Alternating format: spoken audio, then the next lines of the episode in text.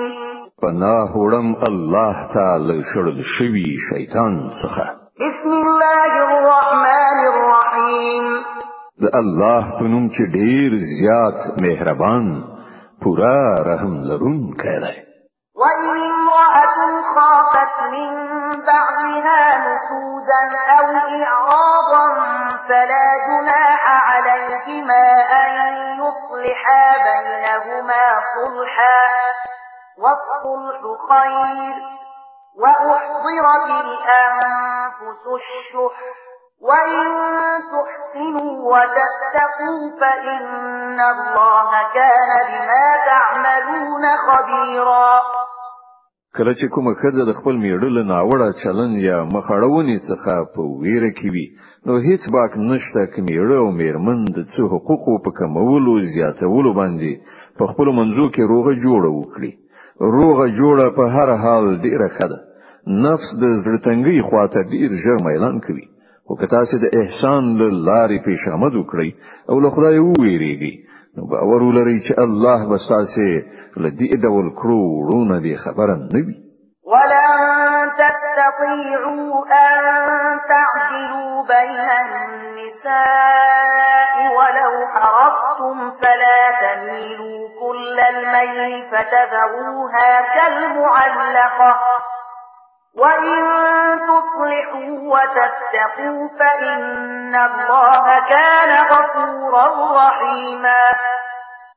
د خزو په منځ کې په ټوله معنا عدالت ساسي په وس کې نشته که تاسو وغواړئ هم نشئ کولای د دې عمل د الهي قانون د هدف تر سره کولو لپاره دا کافی ده چې د یوې خزي لوري ته دومره میلان مکوي چې ها خو هغه بل زوړنده یعنی به سرنوشته پریږدي که تاسو خپل کړو وړو سم کړی او له الله نه په ویره کې اوسئ نو الله تیری دونکه او رحم درونکه دی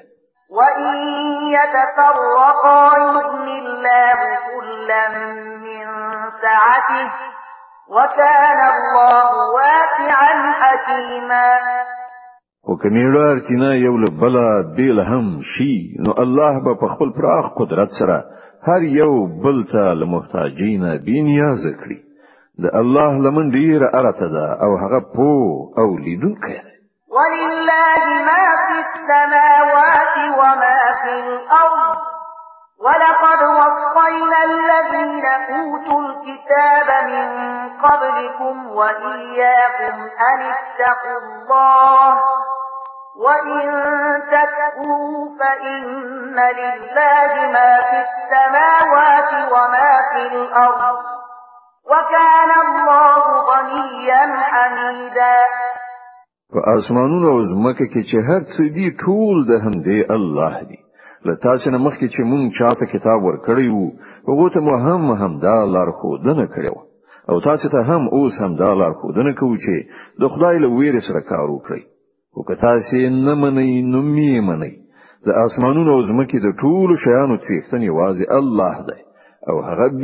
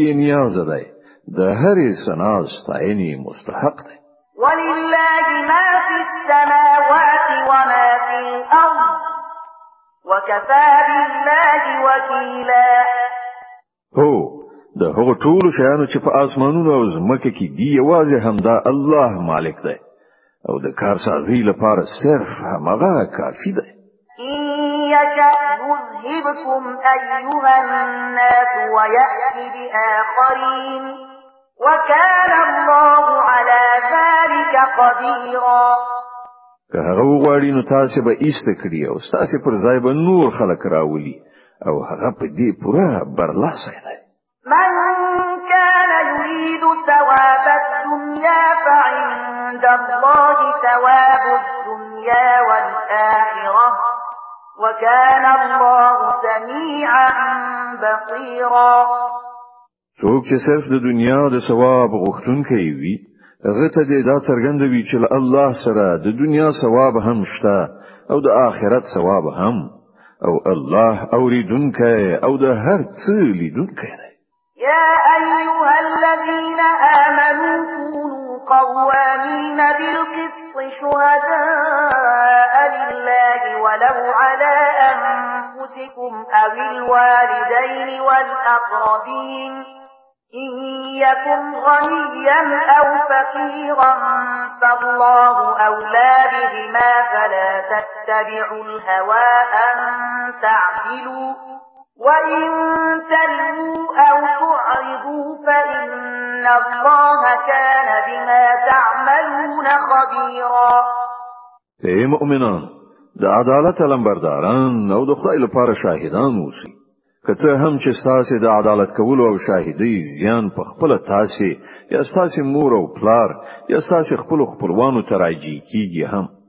د معاملې لوري شتمن وي او کبه وزله الله لتاسو نه زیات د هغه خیر غوښتونکی دی په دې اساس د خپل نفسي غوښتنو د پیروي له امله عدالت مپریږدي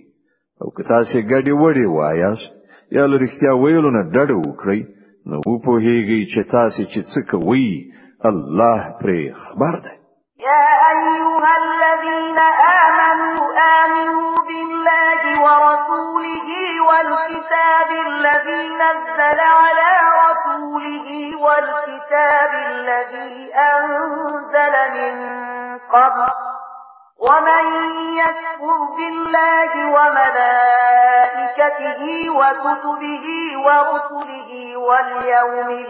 آخر فقد ضل ضلالا بعيدا اے مؤمنان په الله او پر رسول او په هغه کتاب ایمان راوړی چې الله پر خپل پیغمبر باندې نازل کړی او په هر هغه کتاب چې لدین مخکې هغه نازل کړی دی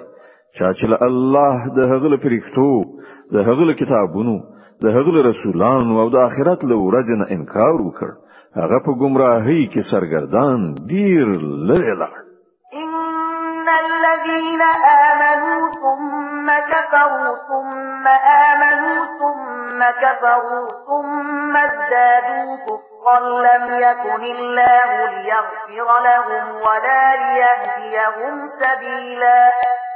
پاتې شول هغه کسان چې ایمان راوړ بیا کافر شول بیا په خپل کفر کې زیات پرمختګ وکړ نو الله به هیڅ کله هغه ته بخنه و نکړي او نه به هیڅ کله هغه ته سم الله راوخي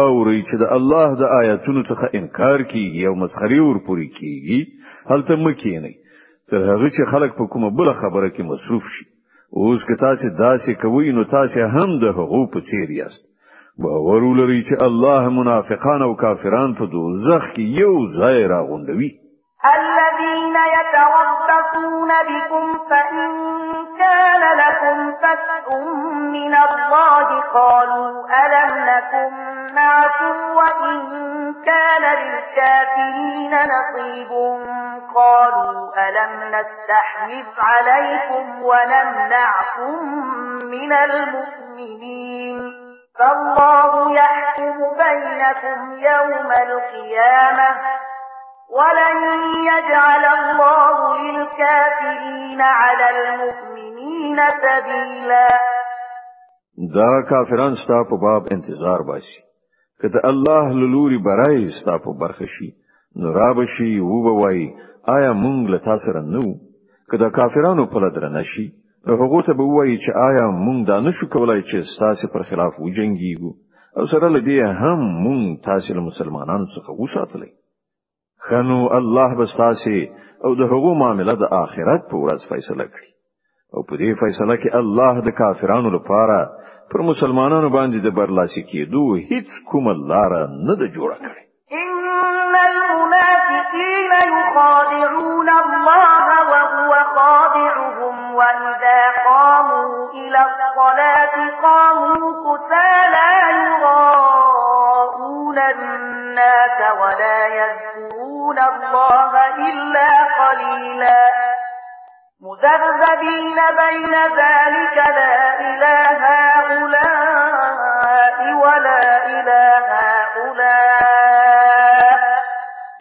ومن يضلل الله فلن تجد له سبيلا دا منافقان له الله سره د غلوونې کار کوي په داسې حال کې چې په حقیقت کې الله غوي په غلیدنه کې غورځولې دي کله چې دوی لمانځه ته پاتېږي نو صرف خلکو ته د خودنې لپاره په بې مېلۍ سره پاتېږي او خدای ډیر لږ یادوي د کفر او اسلام په منځ کې حیران او زړه نازړه دي نه پورا دی خواته دي نه پورا ها خواته څوک چې خدای گمراه کړی وي هغه ته ته کوم لار نشمیندل يا أيها الذين آمنوا لا تتخذوا الكافرين أولياء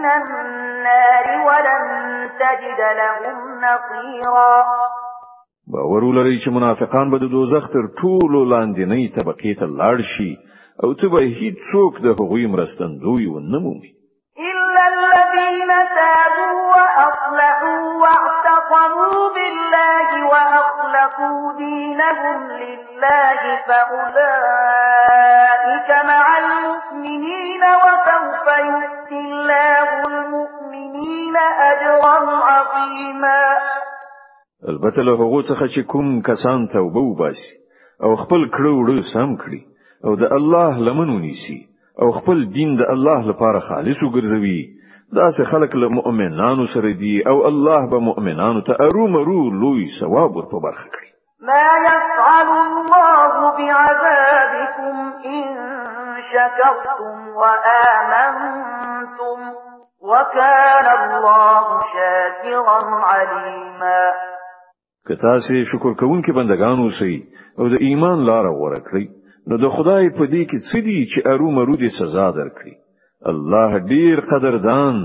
او د ټول په حال خبر دی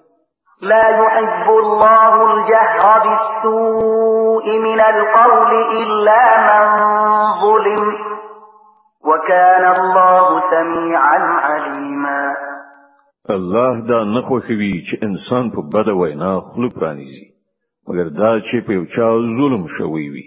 او الله دا هر څه اوریدونکی او په هر څه پوهیدونکی دی النساء چې د قران عظیم شان څلورمه سوره ده په مدینه منوره کې را نازله شوې ده یو سلو شپږ یا آیاتونه لري تلاوت او پښتو ترجمه تاسو له یو سلو نه څلويختم آیت څخه اوري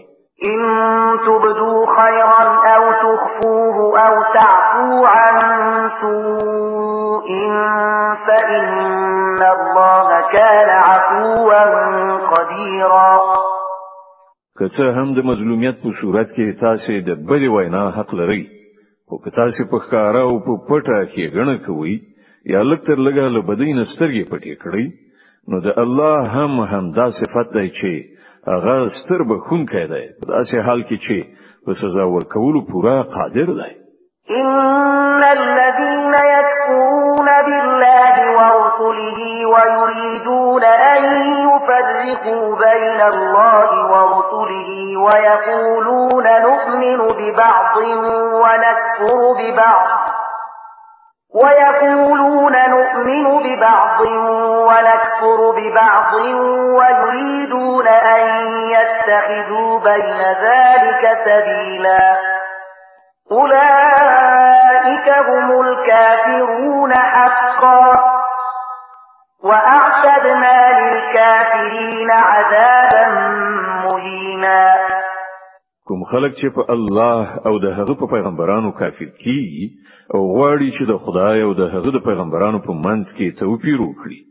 او وایي چې مونږ به ځینی ومنو او ځینی به نه منو او د کفر او ایمان په منځ کې دی ویلاري د ویستلو اراده لري هغه ټول پاخه کافران دي او د داسې کافرانو لپاره مونږ هغه عذاب تیار کړی چې د هغو رسوا کوونکی او سپکوونکی به وي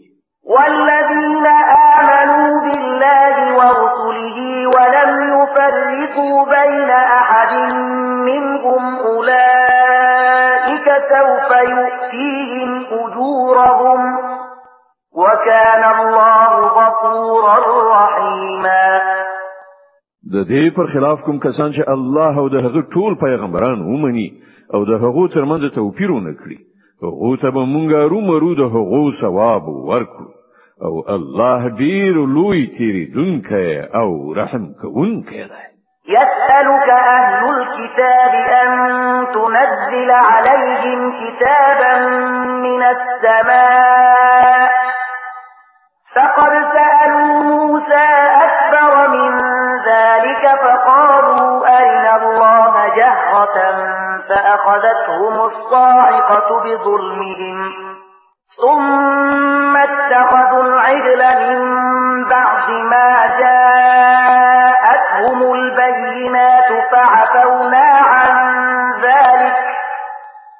وآتينا موسى سلطانا مبينا دا اهل کتاب کنن له تاسو څخه غوښتنه کوي چې له اسمان څخه کومه لیکنه پر هغو نازله کړه نو د دین ډیره غټه مجرمانه غوښتنې دوی مخکې له موسی څخه کړي هغه ته دوی ویلي و چې مونږ ته په څرګند ډول خدای راوخه او د همدې سرکشي لامل په ناڅاپي توګه پرې تندر رالوېدلی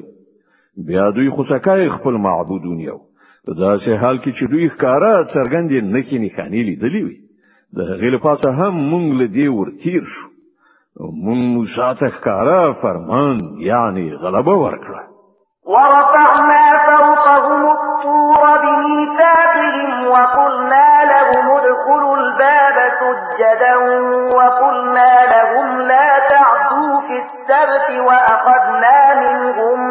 ميثاقا غليظا او په دې خلکو مو د تور غر راپورته کړل اینه مو د هغه فرمان د اطاعت وعده واخیستله مونږ دوی ته امر وکړ چې په دروازه کې سجده کوونکي نه نوځي مونږ دوی ته وویل چې د شنبې په ورځ د کبانو په ښکار سره تیرای مکوي او په هغه باندې مونږ له دوی نه کلکه وعده واخیستله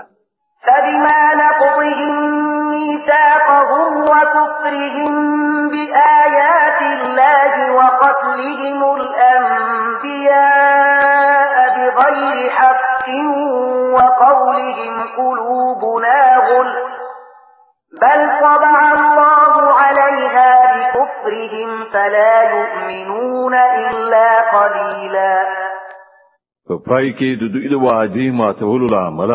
او لدی کبل چې دوی د الله آیاتونه دروغ وګڼل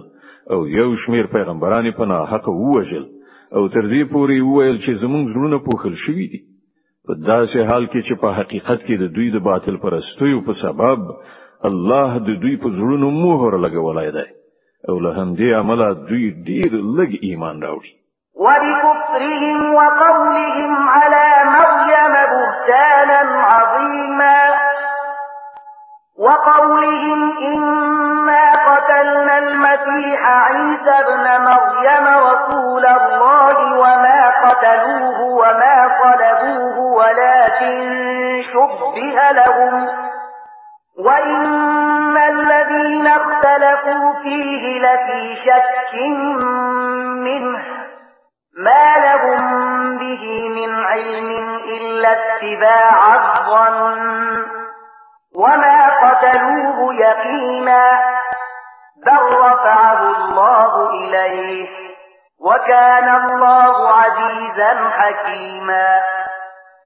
بیا یې په خپل کفر کې دومره پرمختګ وکړ چې پر مریم یې غټ بهتان ولګاو او په خپل ویل چې مونږ د الله پیغمبر مسیح عیسی بن مریم وجلای دی الدا چې د واقعیت لمخې هغه نه هغه وجلای او نه په دار زړولای دی بلکې موضوع د هغو لپاره مشتبه وګرځول شو او کوم خلکو چې د هغه په باب اختلاف کړای دی هغه هم په اصل کې په شک کې وی دي له هغه سره په دې باره کې هیڅ علم نشته دی صرف د ګمان پیروي ده هغه په یقیني توګه مسیح نه دی وژلای بلکې الله هغه خپل لوري ته اوچت کړ الله ډیر زیات زورور او د حکمت څښتن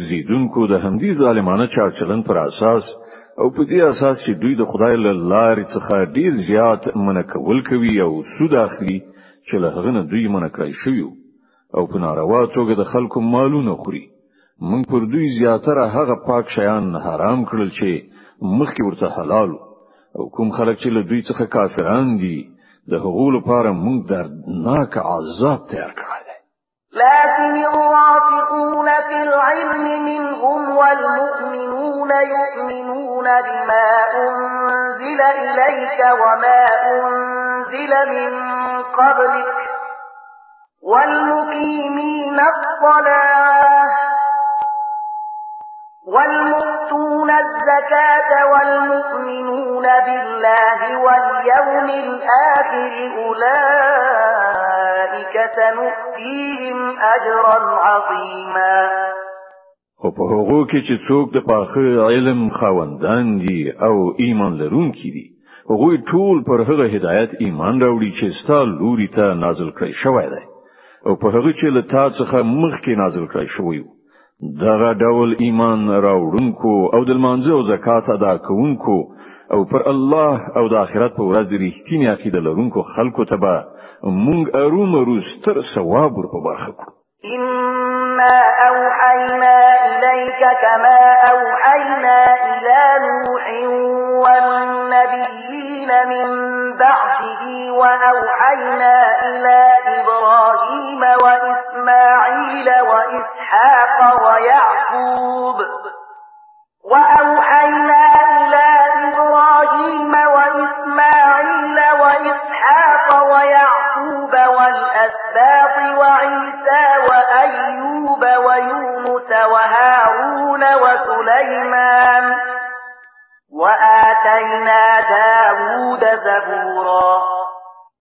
اے محمد صلی الله علیه وسلم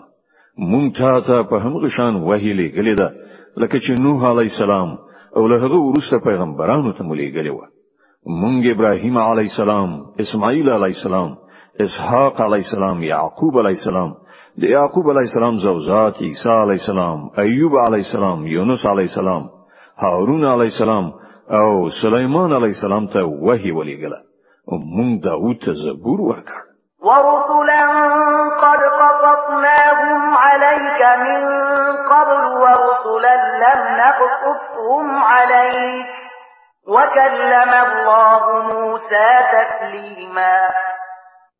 مونږ پر هغو پیغمبرانو هم وحی نازل کړی چې د هغو یادونه مو لدین مخ کې تا ته کړی ده او پر هغو پیغمبرانو هم چې د هغو یادونه مو تا ته نه ده کړی مونږ له موسی علی السلام سره داسې خبرې کړې دي لکه څنګه چې خبرې کیږي رسلا مبشرين ومنذرين لئلا يكون للناس على الله حجة بعد الرسل وكان الله عزيزا حكيما دا ټول پیغمبران زیری ورکوونکي او ویرونکي لیږل شوي وو ترڅو چې د هغو له پیغمبر کولو نه ورسته له خلکو سره د الله په مقابله کې څه سند پاتې نشي او الله په هر حال غالبیدونکی او حکیم او د پوهې څښتن دی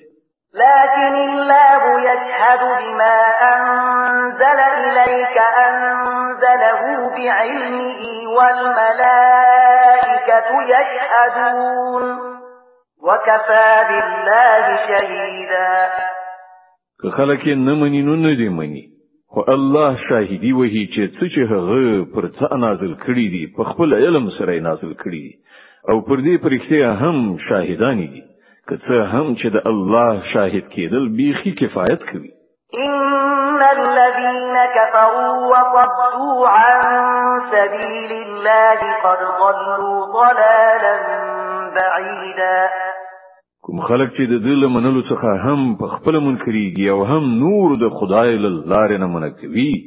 هغوی په یقیني توګه له حق نه ډیر لرې په گمراهۍ کې لویدلي دي إن الذين كفروا وظلموا لم يكن الله ليغفر لهم ولا ليهديهم طريقا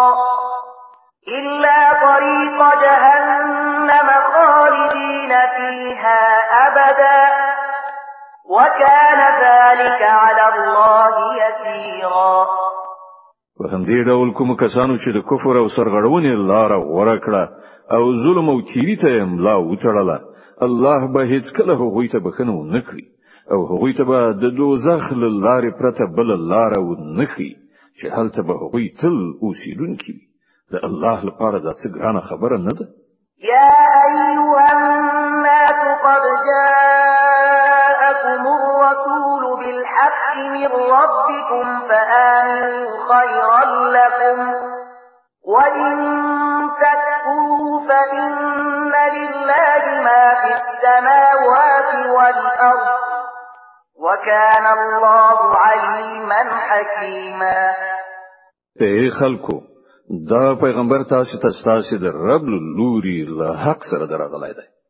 ایمان راوړی همدا ستاسو لپاره ډیره ښه ده او کوي نه مني او په هیږي چې په اسمانونو او زمکه کې چې هر څه دي ټول د الله دي او الله هم د علم خاوند دی او هم د حکمت يا أهل الكتاب لا تغلوا في دينكم ولا تقولوا على الله إلا الحق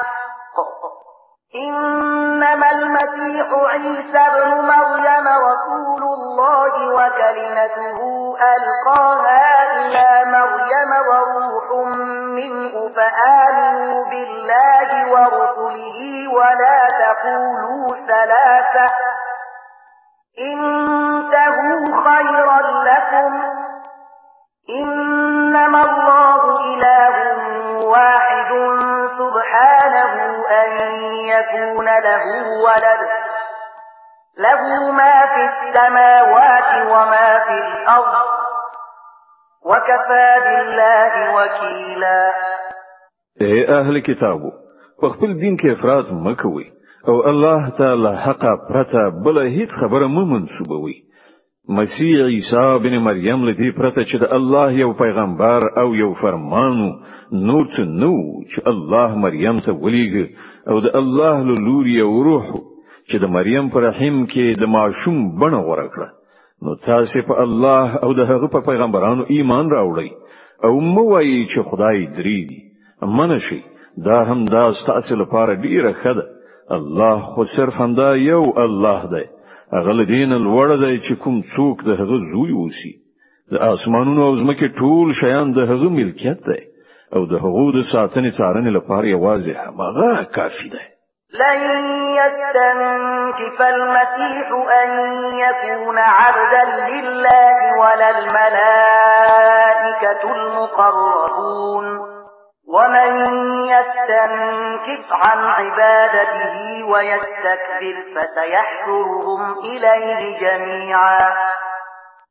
مسیح هیڅ کله دا خبره شرم نه غني چې هغه د الله یو بنده وسی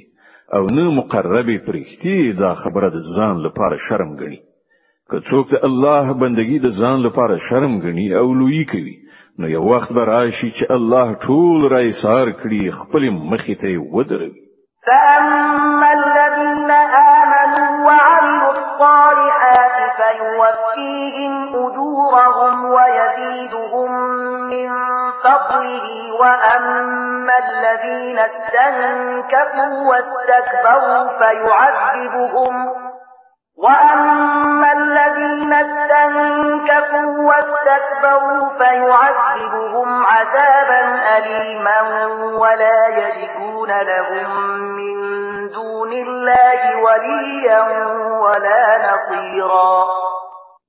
په هغه وخت کې به هغه خلک چې ایمان راوړای دی نیک عمل غوړه کړی دی خپل ثوابونه به پوره بشپړ ومومي او الله به د خپل لورین لمخې هغه ته زیات اجر ور په برخه کړي او کوم خلکو چې بندگی شرم ګڼلې او لوی یې کړې ده هغه ته به الله دردناک عذاب ورکړي او له الله نه پرته چې هغوی د هر چا په ساتنه پالنه او مرسته ډاډه دي له هغونه به هیڅوک هغوی هلته نه مومي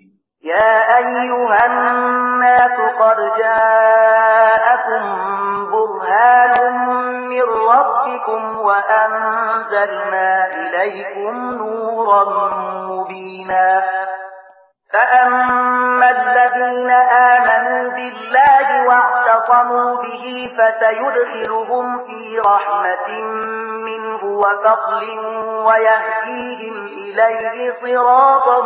مستقيما اے خلکو ستاسو د رب لوري تاسو ته روخانه دلیل راغلی دی او موږ ستاسو لوري ته داسې روښنايي درلېږلې ده چې تاسو ته په ښکاره څرګنده لارښوونکې ده اوس چې کوم کسان د الله خبره اومني او د هغه د پناه په لټه کې شي الله به هغوی ته د خپل رحمت او د خپل پیرزوینې او مهرباني په لمن کې ځای ورکړي